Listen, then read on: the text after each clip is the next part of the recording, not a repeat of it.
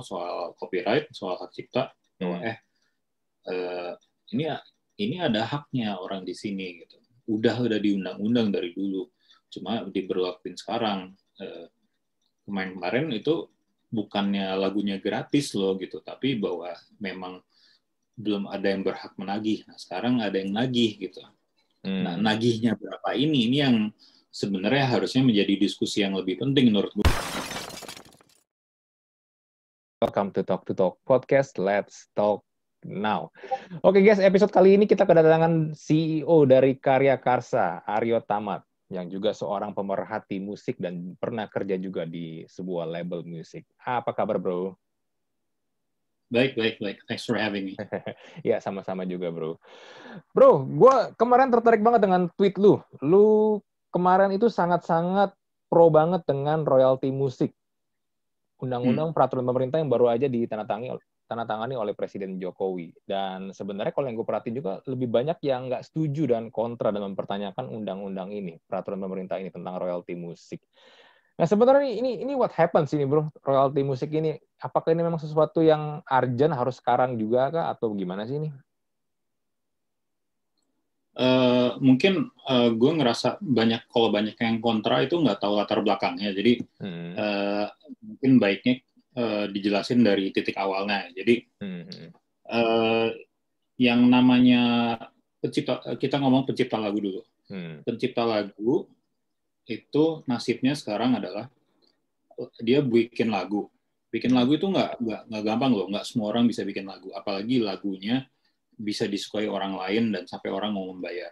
Ini Hmm. beberapa tahap yang sulit dilakukan sebenarnya. Hmm. Tapi kalau udah lagunya itu sampai orang suka sampai membayar, ya, berarti kan yang mem- membuat karya ini harusnya dia mendapat timbal balik ekonomi dong, karena pada dasarnya dia sudah berkarya dan eh, karyanya dinikmati orang banyak. Hmm.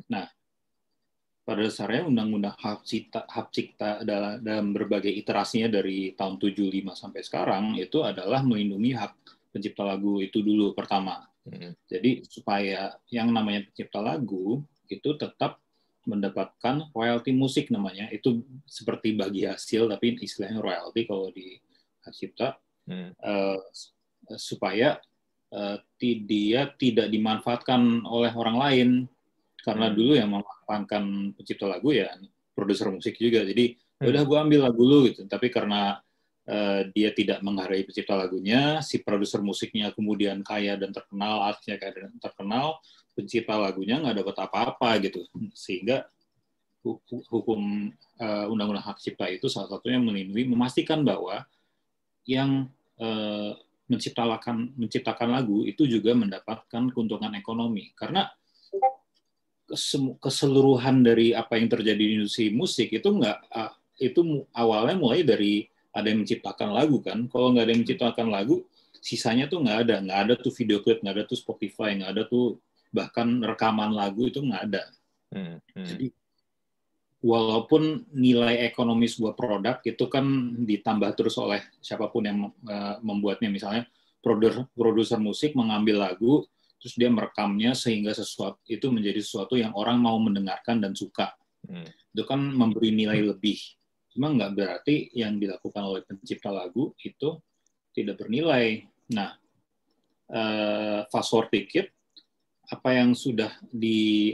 dijadikan peraturan pemerintah ini, ini kan turunan dari Undang-Undang Hak Cipta yang 2014 Hmm. Hmm. bahwa eh, kalau ada lagu yang diperdengarkan di ruang umum yang komersial, misalnya hotel, kafe, restoran segala macam, si eh, pencipta lagu ini berhak dapat sesuatu. Hmm. Kenapa? Hmm. Karena kafenya itu kan mendapatkan keuntungan tidak langsung dengan menyetel musik. Lu Hmm. pernah nggak ke kafe yang nggak nyetel musik? Kan basi banget. Iya. Dan yang namanya kafe itu eh, kita udah lewat dari masa yang namanya kafe itu ya cuma sekedar menyediakan kopi, kopi tapi Hmm. sudah menjual suasana dan suasananya itu tetap jadi satu sama brandingnya Hmm. sehingga kafe yang keren itu biasanya udah punya konsep di mana oke kafe seperti ini makanannya seperti apa, musiknya seperti apa, interior seperti apa, musiknya seperti apa, karena itu membentuk si branding dan suasana tadi. Hmm, hmm. Sehingga kan musik itu menjadi komponen penting dari si cafe itu, si hmm. restoran itu, si hotel itu. Yang menciptakan lagu kan turut berperan serta supaya si tempat-tempat komersial ini itu bisa berhasil gitu. Jadi dapatlah royalti sedikit. Royaltinya nggak banyak loh, kalau nggak salah eh, berapa puluh ribu per bulan gitu. Pokoknya pokoknya nggak tidak memberatkan. Eh, harusnya untuk eh, restoran, kafe atau hotel hmm. proporsional ke mereka eh, yang mereka hasilkan tentunya. Eh, tapi ya gitu, ini bukan soal pemerintah mengada-ada mencari-cari mengais-ngais, tapi ini adalah perjuangan panjang dari uh, orang-orang dari industri musik bahwa oke okay, pencipta lagu harus dapat bagian sesuatu di situ. Hmm. Yang baru dari Undang-Undang Hak Cipta 2014 adalah uh, produser lagu itu juga karena gini, uh, yang namanya yang disetel di kafe itu kan bukan cuma ciptaan lagu aja, tapi sudah menjadi rekaman Hmm, betul. Rekaman ini kan ada yang memproduseri, yang ada yang membiayai, yang memberi nilai tambah terhadap si ciptaan lagu tadi. Karena ciptaan lagu itu kan berdasarnya notasi itu komposisi saja. Hmm. Yang memberi nilai komersial sebuah lagu adalah uh, produser rekaman, jadi menjadi rekaman suara. Hmm. Sehingga mereka juga berhak mendapatkan bagian karena membeli memberi nilai juga terhadap musik yang akhirnya disetel di ruang-ruang komersial ini. Hmm. Ya, kurang lebih uh, gitu sih.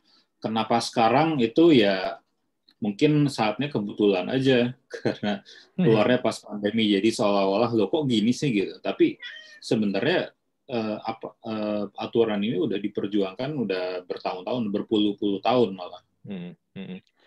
Hmm, menurut lu nih bro ya, kalau misalnya diterapin nih, ini prakteknya bakal kayak gimana ya? Sekarang misalnya gini deh, uh, sebuah mall. Mall itu kan biasanya juga nyetelin lagu tuh, entah itu mungkin yang hmm. ada vokalnya atau juga biasa instrumen, instrumen doang yeah. kan.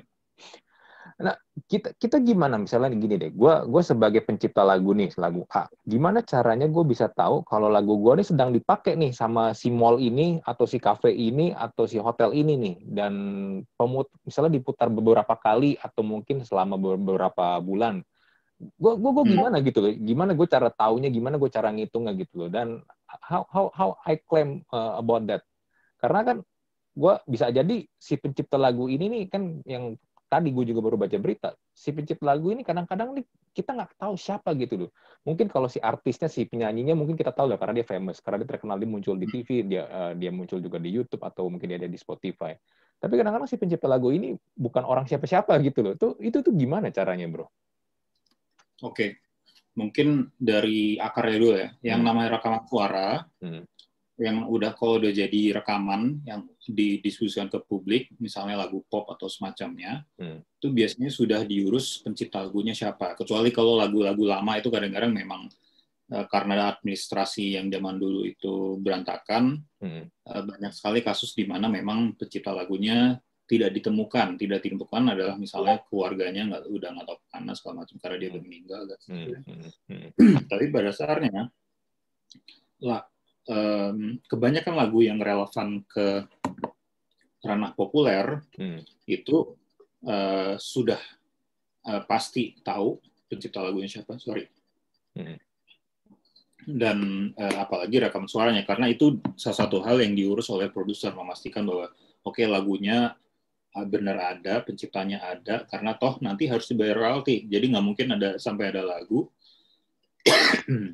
bukan nggak mungkin, kecil kemungkinan bahwa ada sebuah lagu yang disetel di ruang publik komersial hmm. yang tidak nggak tahu penciptanya eh, penciptanya siapa. Kalau sampai ada, hak royalti ini akan disimpan dulu oleh LMK namanya Lembaga Manajemen Kolektif hmm. yang ditunjuk oleh pemerintah sampai eh, masalahnya udah resolve ini bukan terus uangnya disimpan terus bagi-bagi enggak gitu kan hmm. udah ditandain bahwa oke okay, ini hak seseorang jadi ya kayak tabungan kayak uh, uang kita yang kita taruh di bank kan bukan jadi uang milik bank hmm. itu itu uang milik kita uh, kalau sampai kita meninggal ya ntar ada ahli warisnya kalau ahli warisnya nggak ditemukan ya uangnya tetap dianggap bahwa ini milik milik si A bukan terus diserap gitu jadi hmm. uh, intinya uh, uangnya itu pasti disimpan di accrue uh, kalau di istilah di copyright. Nah, uh, terus kalau kita bicara, gue lupa sebagian tadi pertanyaan lo. Um, kan si ya, bisa uh, misalnya gini misalnya gini gue gua gua, gua pencipta lagu nih. Iya gue gue pengen klaim nih. Eh ternyata si hotel A atau si mall B ini pakai lagu gue nih.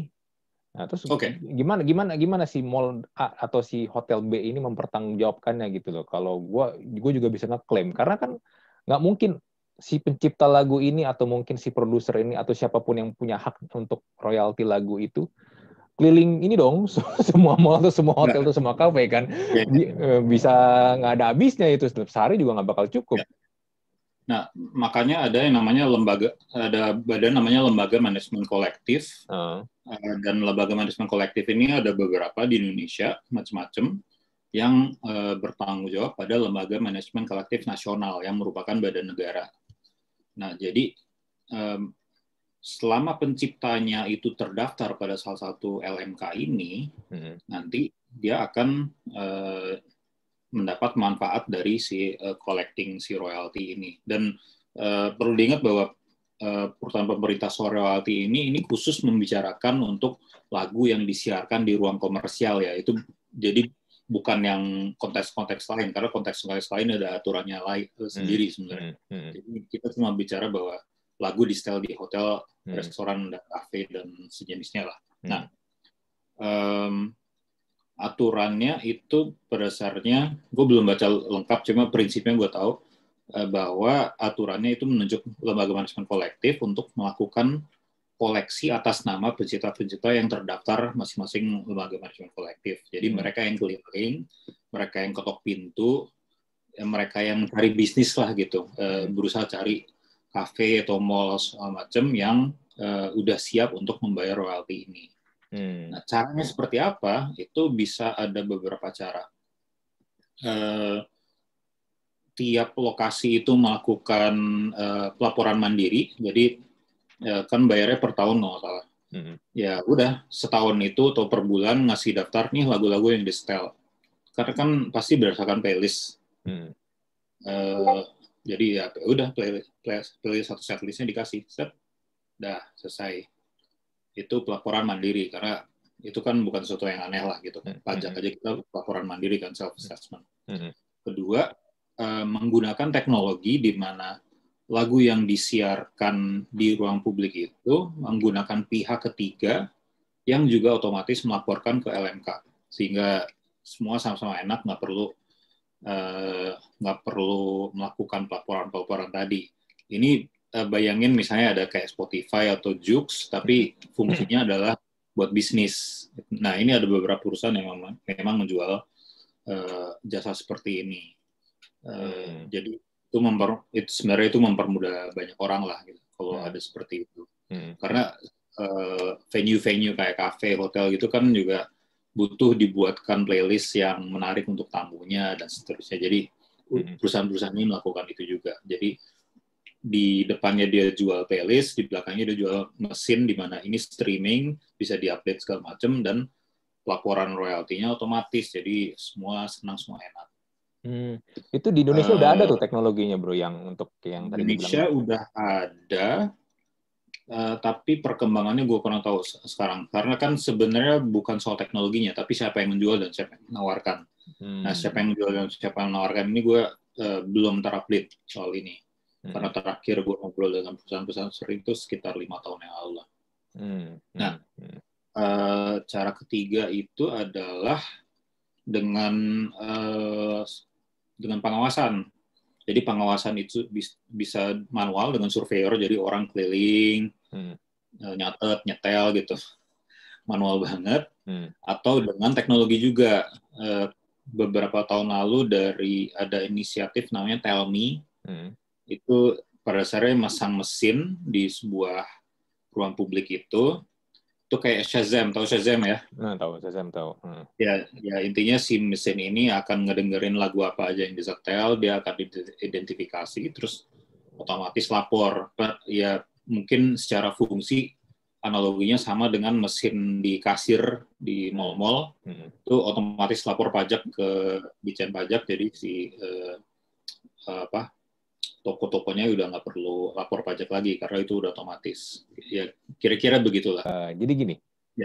Kan bisa jadi dengan adanya beberapa option tadi nih, ya kalau pakai teknologi, of course akan ada cost juga di situ kan. Gue nggak tahu nanti siapa yang akan menanggung costnya. Apakah nanti LMK yang memang menyediakan karena mereka memang yang menyelenggarakan, atau mungkin juga costnya itu dibebanin juga ke hotel, entah mungkin juga ke cafe, atau mungkin juga ke mall yang men yang menyetel lagu-lagu itu.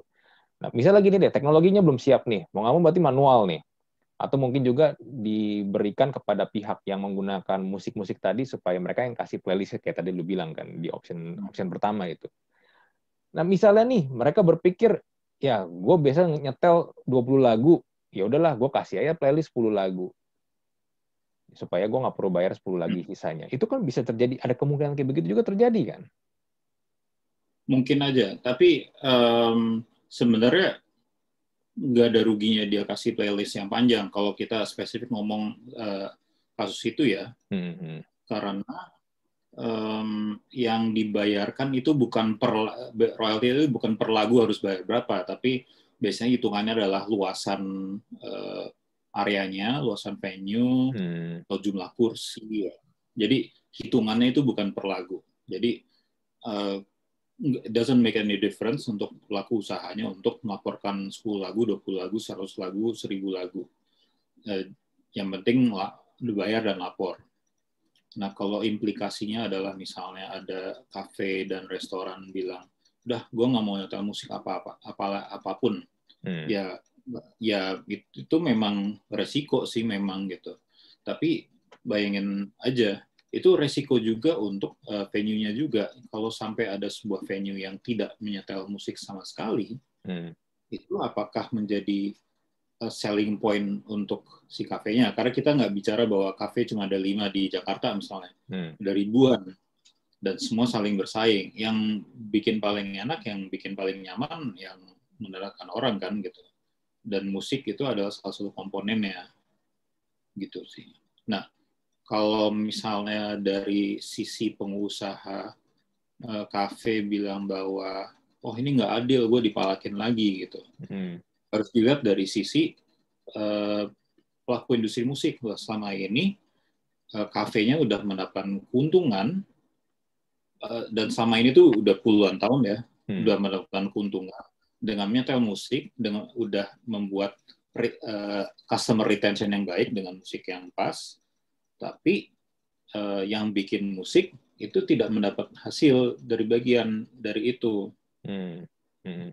Um, ya harus dilihat dari berbagai sisi lah. Jadi buat gue sebenarnya memang sebaiknya dilihat sebagai cost of business. Nah, cost of business-nya ini bisa 0% loh dari dari pemasukan. Bisa cuma satu persen, bisa cuma dua persen. Jadi yang dilihat itunya dulu, jangan oh gue mau dipalakin nih ntar juta-jutaan miliar-miliaran ditodong gitu. Ya belum tentu juga. Karena sebenarnya radio TV juga dibayar seperti ini itu persentase terhadap masukan mereka per tahun dan mereka melaporkan uh, jadi ini udah terjadi dari zaman belum digital pun mereka udah bayar hmm. dan modelnya ya udah bayar per tahun terus kasih uh, daftar lagu. Nih lagu-lagunya apa? Daftar lagunya ini pentingnya apa Hmm. Karena kan dapat duit misalnya misalnya agama dari TV, hmm. dapat 100 juta setahun dari CTI.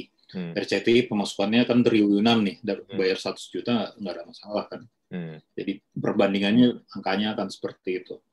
Nah, daftar lagu ini nanti dilihat sama LMK-nya bahwa oke okay, 100 juta ini berarti harus dibagi ke semua lagu-lagu ini. Nah, lagu-lagu ini adalah eh, produser siapa, pencipta lagunya siapa, terus baru ntar di sebar-sebar pembayarannya. Seperti itu.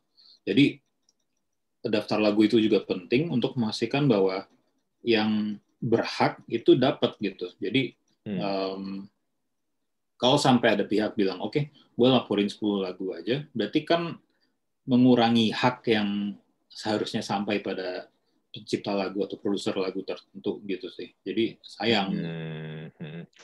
Uh, tapi gimana ya? Menurut gue itu bisa terjadi sih bro. Karena, karena gini deh, kita kita, ting, kita masih tinggal di negara dengan culture yang masih susah untuk menghargai yang namanya intellectual property, hasil karya, Setuju. ya kan? Setuju. Kalau bisa lah gue bisa dapat gratis atau gue bisa dapat bajakan, kenapa gue harus bayar? Kenapa gue harus beli? Malah kadang-kadang kalau gue dapat bajakannya duluan atau paling pertama banget tuh di share, eh gue udah dapat di bajakannya nih iya kan? Yeah. Kenyataannya begitu kan. Dan yeah. gimana ya? Sebenarnya gini sih, kemarin yang gue juga baca tweet-tweet yang kontra-kontra ini, gue gue sampai berpikir gini, yang yang mereka nih mati-matian nggak setuju. Apakah mereka ini adalah pemilik bisnis usaha seperti hotel yang tadi kita bahas nih, hotel, kafe, atau mungkin juga mall yang menggunakan lagu-lagu ini? Itu satu jadi pertanyaan gue. Terus yang kedua adalah apakah mereka ini benar-benar penikmat musik yang kalau memang dengar musik mereka juga bayar. Kalau dulu kita beli kaset atau CD, atau sekarang mungkin kita langganan Spotify, hmm. atau jangan-jangan mereka sebenarnya emang kalau dengerin lagu juga cuma bajakan doang gitu loh. Itu itu kan sebenarnya kan yang bikin gue bingung gitu. Ini kenapa sampai sebegitu ngototnya kan? Iya ya. Tapi uh, paling kalau dipikir bahwa bahwa ya memang realita, realita di Indonesia adalah memang hmm. uh, masyarakat kita tidak terbiasa mengapresiasi karya bahkan sampai uh, membayar. Makanya perjuangan di karya karsa itu cukup berat. iya, benar. Sebenarnya kita mengedukasi itu juga. Hmm. Uh, cuma gini, kalau kita nunggu hmm. uh, rakyatnya sadar, ya nggak akan sadar-sadar harus ada yang mulai menciptakan uh, edukasi ke masyarakat bahwa eh, eh berkarya itu ada prosesnya, ada pengorbanannya, ada ada skillnya, ada ada hal yang tidak bisa dilakukan orang lain sehingga ini perlu dikasih penghargaan yang layak sama layaknya seperti, seperti misalnya kita hmm, hmm. nggak usah kita ngomongin orang-orang selebriti lah gitu. Hmm. Kalau ada orang bikin kue, kita bayar dengan harga layak dong, bukan uh, bukan cuma bayar seharga bahan-bahannya aja. Hmm, Kita beli handphone kan kita bayar handphone karena barang tentunya, bukan hmm. cuma karena oh kom, ini handphone ini kom, harga komponen cuma 50 dolar, gue cuma bayar 50 hmm. 50 dolar. Hmm. Kan ada usaha, ada skill, ada pengorbanan yang masuk di menciptakan barang itu. Sama dengan musik, sama dengan uh, hak kekayaan intelektual. Nah, ini mau nggak mau memang harus uh, ada edukasi dan tugasnya pemerintah memang di sini adalah membuat struktur gimana kadang-kadang memang mereka jadi harus memaksa orang untuk mengarahkan ke sini, mengarahkan ke situ. Misalnya hmm. kayak misalnya harusnya eh, masyarakat eh pemerintah mewajibkan masyarakat memakai masker dari hari pertama eh, pandemi misalnya gitu. Hmm, Mungkin hmm, hmm. kita tapi kan eh, itu ada berbagai hal yang eh, pasti ada faktor X-nya banyak karena kita ngomongin hmm. penduduk hmm. Tapi begitu begitu kita ngomongin uh, pelaku usaha dan dibenturkan kan dibenturkan pada intinya kan pada regulasi mana harus bayar royalti musik. Hmm. Kan kelompok yang harus dikelola oleh pemerintah itu sebenarnya nggak sebanyak 270 orang, 270 ribu juta orang, tapi hmm. mungkin belasan hmm. ribu atau puluhan ribu di Indonesia pelaku hmm. usaha yang bisa didatengin pelan-pelan bahwa eh, eh sama dengan halnya gue bicara sama lo soal copyright, soal hak cipta, bahwa hmm. eh, eh ini ini ada haknya orang di sini gitu. Udah udah diundang-undang dari dulu, cuma diberlakuin sekarang. Eh, kemarin-kemarin itu bukannya lagunya gratis loh gitu, tapi bahwa memang belum ada yang berhak menagih. Nah sekarang ada yang nagih gitu. Hmm. Nah nagihnya berapa ini? Ini yang sebenarnya harusnya menjadi diskusi yang lebih penting menurut gue. Gitu. Hmm, hmm. Karena hmm. jangan sampai apa yang ditagih itu memberatkan, karena harus eh, yang ditagihkan LMK itu harus menjadi sesuatu yang eh, punya nilai bisnis juga. Jadi misalnya bukan terus dipukul rata semua kafe harus bayar satu m per tahun kan nggak mungkin. Hmm, hmm. Harus harus tarifnya harus sesuai dengan uh, ukuran bisnisnya juga. Ini salah satu hal yang berusaha gue push dulu. Dulu kan gue pernah punya startup online radio dan gue memperjuangkan supaya online radio, radio itu uh, harus bayar secara legal untuk menyetel musik via internet. Hmm. Nah sampai sekarang itu regulasinya belum ada sih. Tapi uh, salah satu yang hal yang gue push ke LMK LMK ini adalah ya gue mau bayar, tapi jangan sampai lu suruh gue bayar untuk uh, sesuatu untuk uang yang gue nggak punya, Pada gitu lah. Hmm. Jadi um, karena mengambil lisensi musik dan mempergunakan musik untuk uh, komersial itu harus memang layaknya harus membayar lisensi. Sebaliknya, uh, pemberi lisensi yang adalah LMK ini atau pemilik hak cipta dan segala macam juga harus memikirkan bahwa supaya klien-klien gue hidup kan kafe-kafe, restoran, hotel ini klien hmm. dan sampai harganya yang memberatkan harus ada harganya cukup cukup uh, bersahabat supaya mereka mau bayar terus puluhan tahun ke depan gitu. Hmm. Ini yang menurut gue yang harus harus menjadi sorotan karena buat gue dan secara hukum uh, royalti itu wajib dibayarkan karena ini hak orang yang perlu diperjuangkan oleh para venue-venue ini adalah berapa kan bisa oke okay, gue bayar royalti tapi gue bayar 0% kan bisa aja hmm. tapi gue bayar 0% nih, gue tanda tangan uh, tanda terima nggak ada angkanya, tapi ini gue bayar. Kenapa? Karena uh, kafe ini menghargai hak cipta dan hmm. kafenya jadi bisa nyetel musik gitu. Misalnya kafenya makin gede terus oke okay, jangan 0% deh tahun ini tahun depan satu persen dihitung-hitung oh aman lah satu persen gitu bisa aja cuma cuma setengah persen bisa 0,3 persen Hmm. Uh, ini ini yang gue belum tahu tarifnya seperti apa. Ini kayaknya diatur sama LMKN. Hmm. Uh, gue belum dapat update terbaru. Tadi gue sempet cari berita nih, coba bentar ya gue tampilin ya. Nih, pemerintah baru saja mengeluarkan peraturan terkait pengelolaan royalti hak cipta lagu dan atau musik. Aturan ini tertuang dalam peraturan hmm. pemerintah nomor 56 tahun 2021 yang ditandatangani oleh Presiden Jokowi pada 30 Maret 2021 lalu. Nah, ya. lalu di sini di, di mana nih? Royalti dibayarkan kepada pencipta atau pemegang hak cipta lagu dan atau musik melalui lembaga manajemen kolektif nasional LMKN yang tadi kita hmm. udah bahas ya. Salah satu pihak ya. yang wajib membayar royalti lagu adalah penyelenggara konser musik, pemilik supermarket dan pemilik hotel ya atau juga kafe juga ya. Nah, untuk penyelenggara konser, nah ini nih hitungannya nih. Penyelenggara konser yang memperlakukan tiket kepada pengunjungnya, simulasi besaran pembayaran royalti musiknya ya ini adalah hasil kotor penjualan tiket kali 2% plus dengan tiket yang digratiskan hmm. kali satu persen. Nah, itu buat konser tuh. Ya. Nah, itu ada hitungannya tuh. Menurut tuh gimana, Bro? Nah, untuk nah, venue. Nah, ini, ini untuk konser nih. Menurut tuh gimana nih? Ya.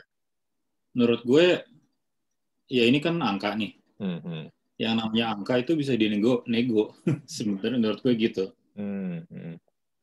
Soalnya misalnya aturan dari PP-nya udah ngatur seperti ini, hmm kan eh, kalau misalnya dirasa memberatkan oleh pelaku usaha kan bisa juga bilang ke LMKN eh ya udah kita setuju sama rate itu cuma karena ini baru tahun pertama di diskon deh gitu hmm. itu bisa hmm. itu bisa hmm. banget pasti hmm. hmm. apalagi misalnya semua penyelenggara konser bikin asosiasi terus nego oh, oke okay, kita nggak bayar dulu ya tahun pertama tapi paling nggak kita beresin dulu reportingnya seperti apa bahwa uh, semua semua event itu harus daftar ke mana, hmm. pendaftaran lagunya seperti apa kan hal-hal infrastruktur struktur itu seperti itu kan juga harus disiapkan sebenarnya. Hmm. Jadi bisa aja ya udah daripada bayar tapi sambil nggak jelas diskon dulu atau nol. Jadi banyak hal yang bisa dilakukan pada dasarnya. Hmm. Sama kayak misalnya coba terus coba nih ya. untuk uh, untuk nah. venue untuk venue nih. Nah, kemudian bagi pemilik supermarket, pasar swalayan, mall, toko, distro, salon kecantikan, pusat kebugaran, arena olahraga, dan ruang pamer besaran royalti harus dibayarkan sebagai berikut. Nah, ini tadi lu juga sempat bahas nih ya. Ada ruang dibahas dibahas tentang ruangan nih. Ruangan seluas 500 meter persegi pertama dikenakan biaya Rp4.000 per meter untuk royalti pencipta lagu dan Rp4.000 per meter untuk royalti hak terkait. Jadi kalau kafe kecil sebesar 30 meter persegi dia bayar 30 kali 8 ribu. Mm-mm. per itu per berapa sih? Per tahun.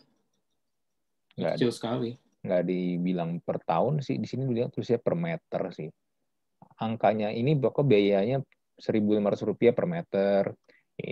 Nah lalu Hmm. juga kalau untuk hotel nih hotel juga ada lagi hitungannya nih jumlah kamar 1 sampai 50 dikenakan tarif royalti 2 juta rupiah per tahun Hmm. Iya, jadi em, menurut gue sih memang proporsional dengan bisnis yang dibawa. Jadi misalnya, Hmm. let's say kita anggap yang tadi itu tarifnya per tahun karena Mm-mm. yang lain kan tarifnya per tahun juga. Mm-mm. Kalau kafe ukuran 30 kal- meter persegi kali 8.000 kan 240.000 per Mm. tahun.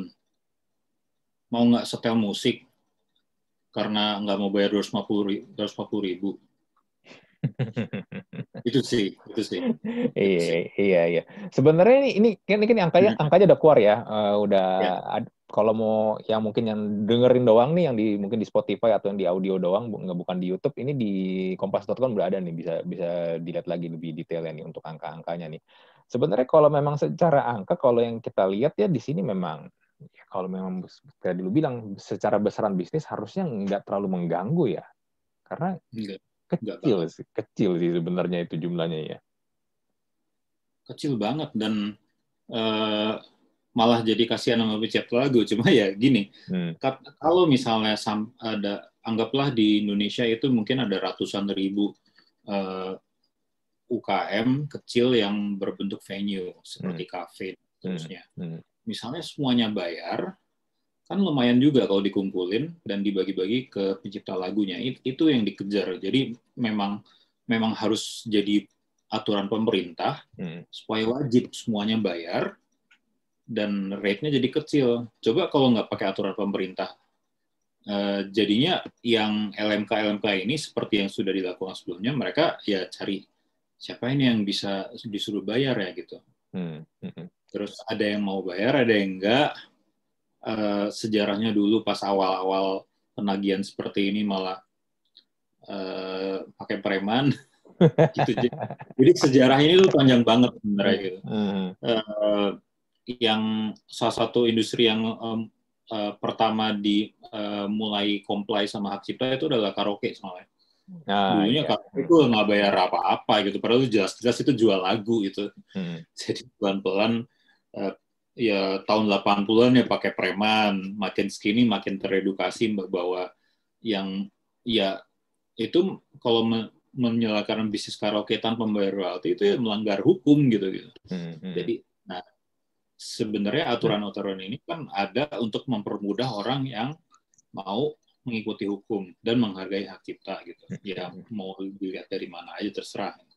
Nah si peraturan pemerintah ini yang terbaru memperjelas justru eh, kalau sampai ada sampai kalau ada venue dibilang oke gue nggak mau nyetel musik apa pun yang harus bayar ke LMKN itu bisa tinggal tandangan surat pernyataan. Gue sempat tadi dengar sesi clubhouse eh, ada Mas Ajo dia salah dia dia eh, salah satu pejabat di eh, Parekraf Hmm. dan Hmm. saat dia bilang gitu kalau sampai ada kondisi di mana ada ruang komersil bilang nggak mau nyetel musik sama sekali ya tinggal tandakan surat pernyataan bahwa nggak akan nyetel musik sama sekali gitu dan dia Hmm. nggak masalah Hmm. tapi ya tinggal tinggal lihat cost and benefitnya seperti apa sih kalau gue pelaku pelaku bisnis ya gue akan lihat em, dengan dua skenario gue bayar sama enggak yang mana yang lebih menguntungkan Hmm. Hmm. karena kan membayar royalti ini kan cuma sebagian dari perjuangan dari satu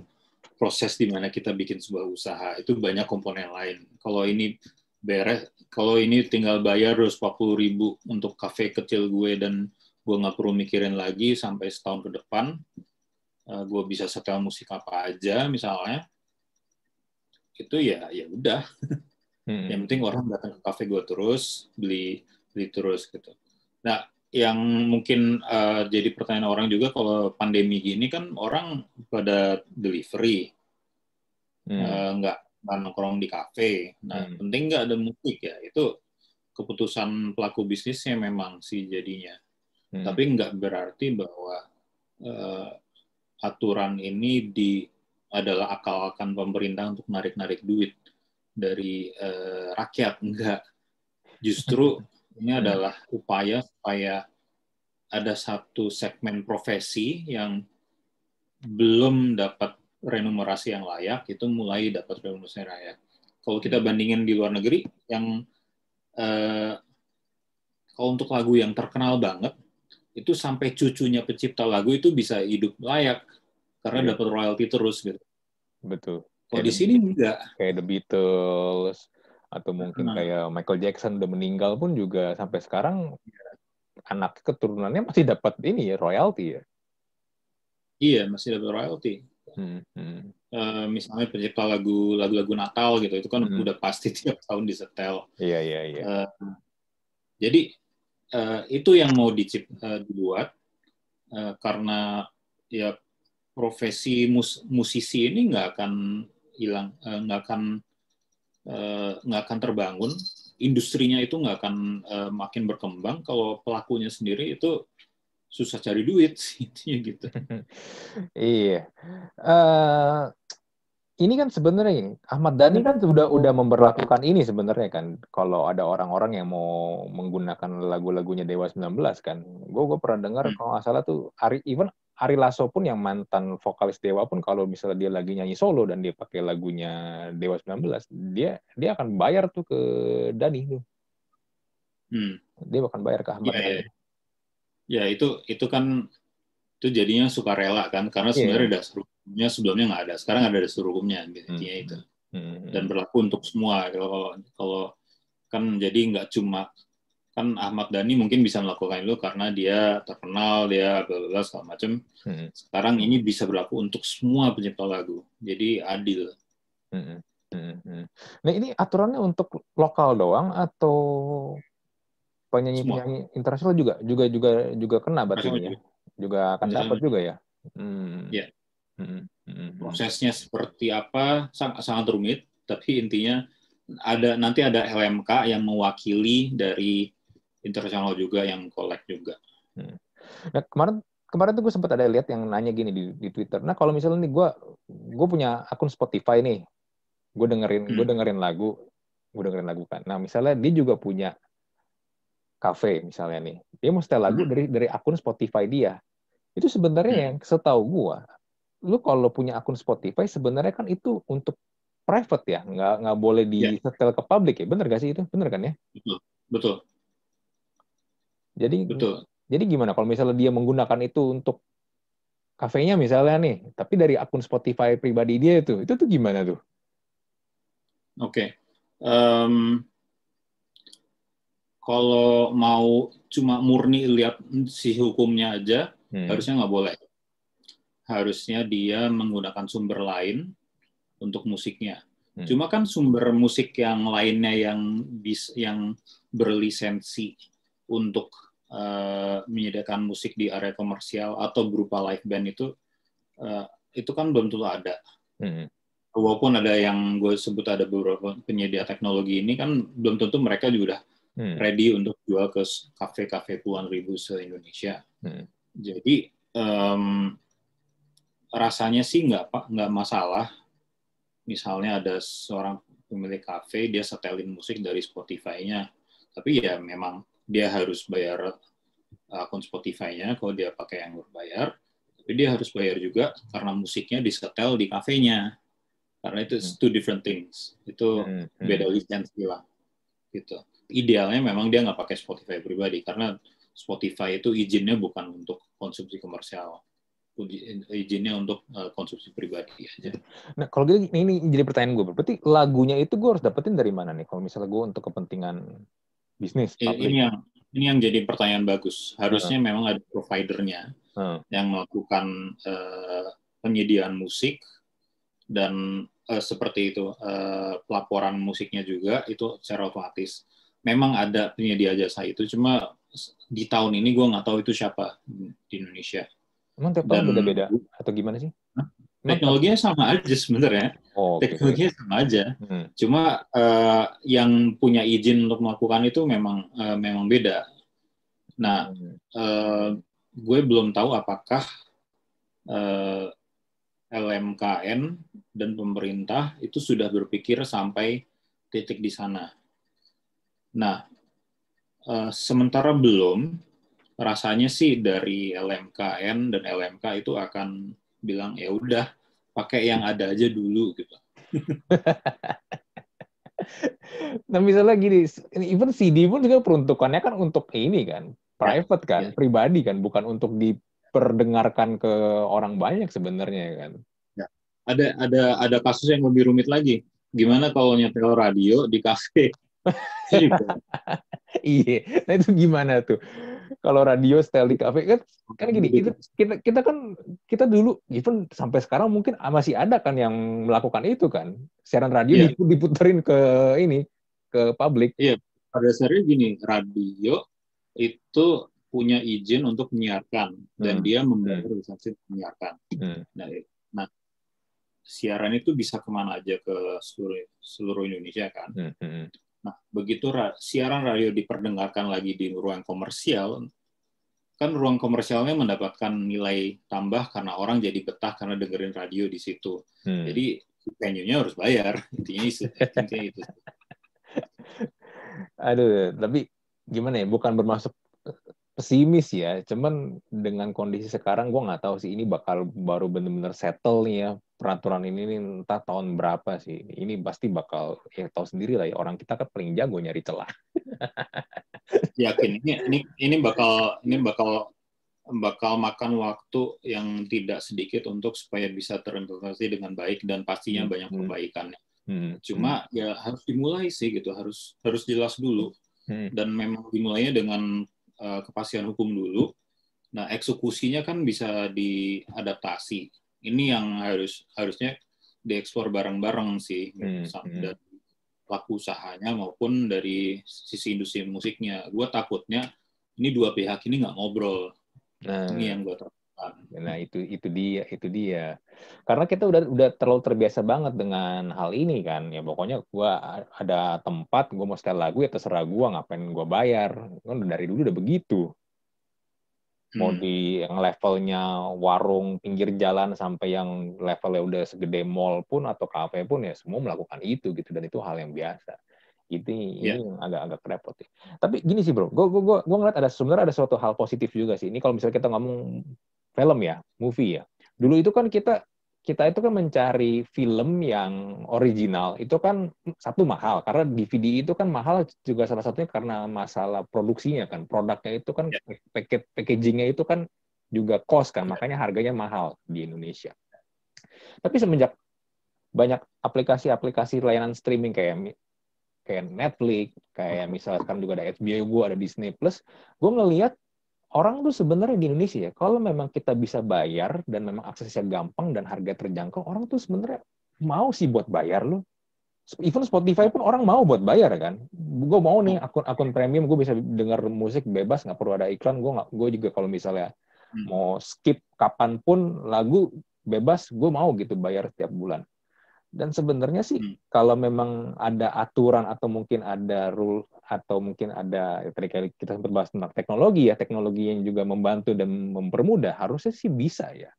Temennya ini tadi nih, kayak tadi lu bilang nih, eh, apakah dua pihak ini udah ngobrol dan aturannya gimana nih atur, eh, pas prakteknya ini ini, ini sebenarnya yang menarik sih.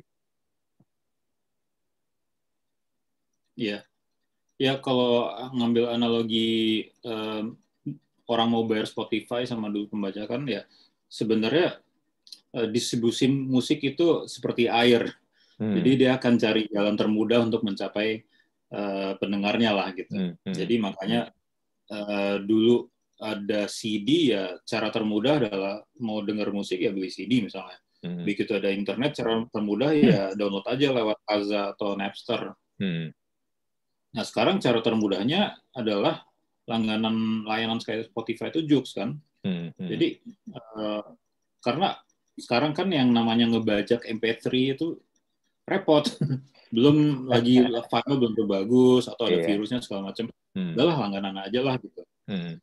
Uh, jadi um, memang tugasnya pelaku bisnis juga untuk memikirkan bahwa memang ini ada ini menurut gue ada kesempatan bisnis di sini di mana ada sebuah aturan untuk mengumpulkan uang dari ribuan pelaku usaha di Hmm. Indonesia.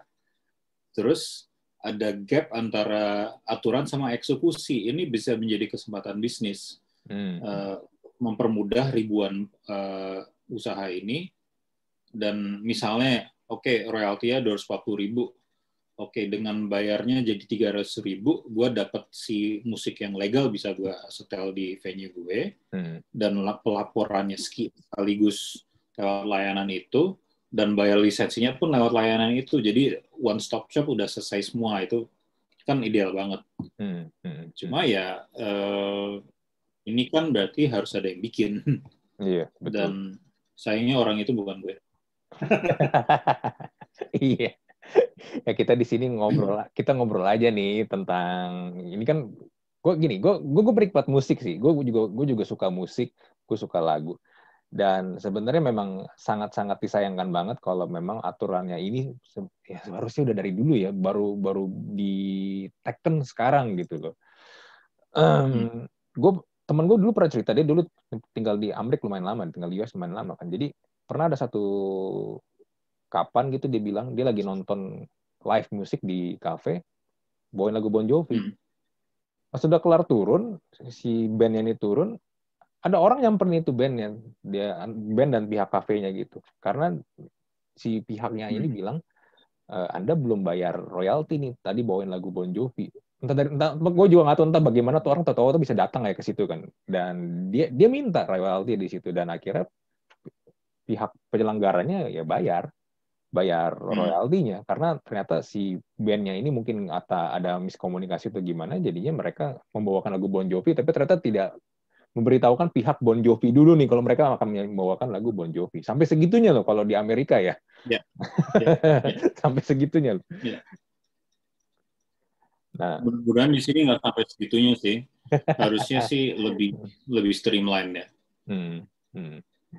ya mudah-mudahan lah kita semoga sih industri musik di Indonesia bisa lebih maju ya dengan hal ini ya karena ya biar gimana pun salah satu tujuan orang bermusik kan selain memang juga ingin berkarya juga dapetin penghasilan kan bukan hanya karena gua Iya. hobi aja Iya, Mu- musisi itu banyakan yang eh, nggak kaya daripada yang kaya. Jadi, jadi mudah-mudahan aturan kayak gini itu bisa bisa menyedah menyejahterakan lebih banyak musisi lah.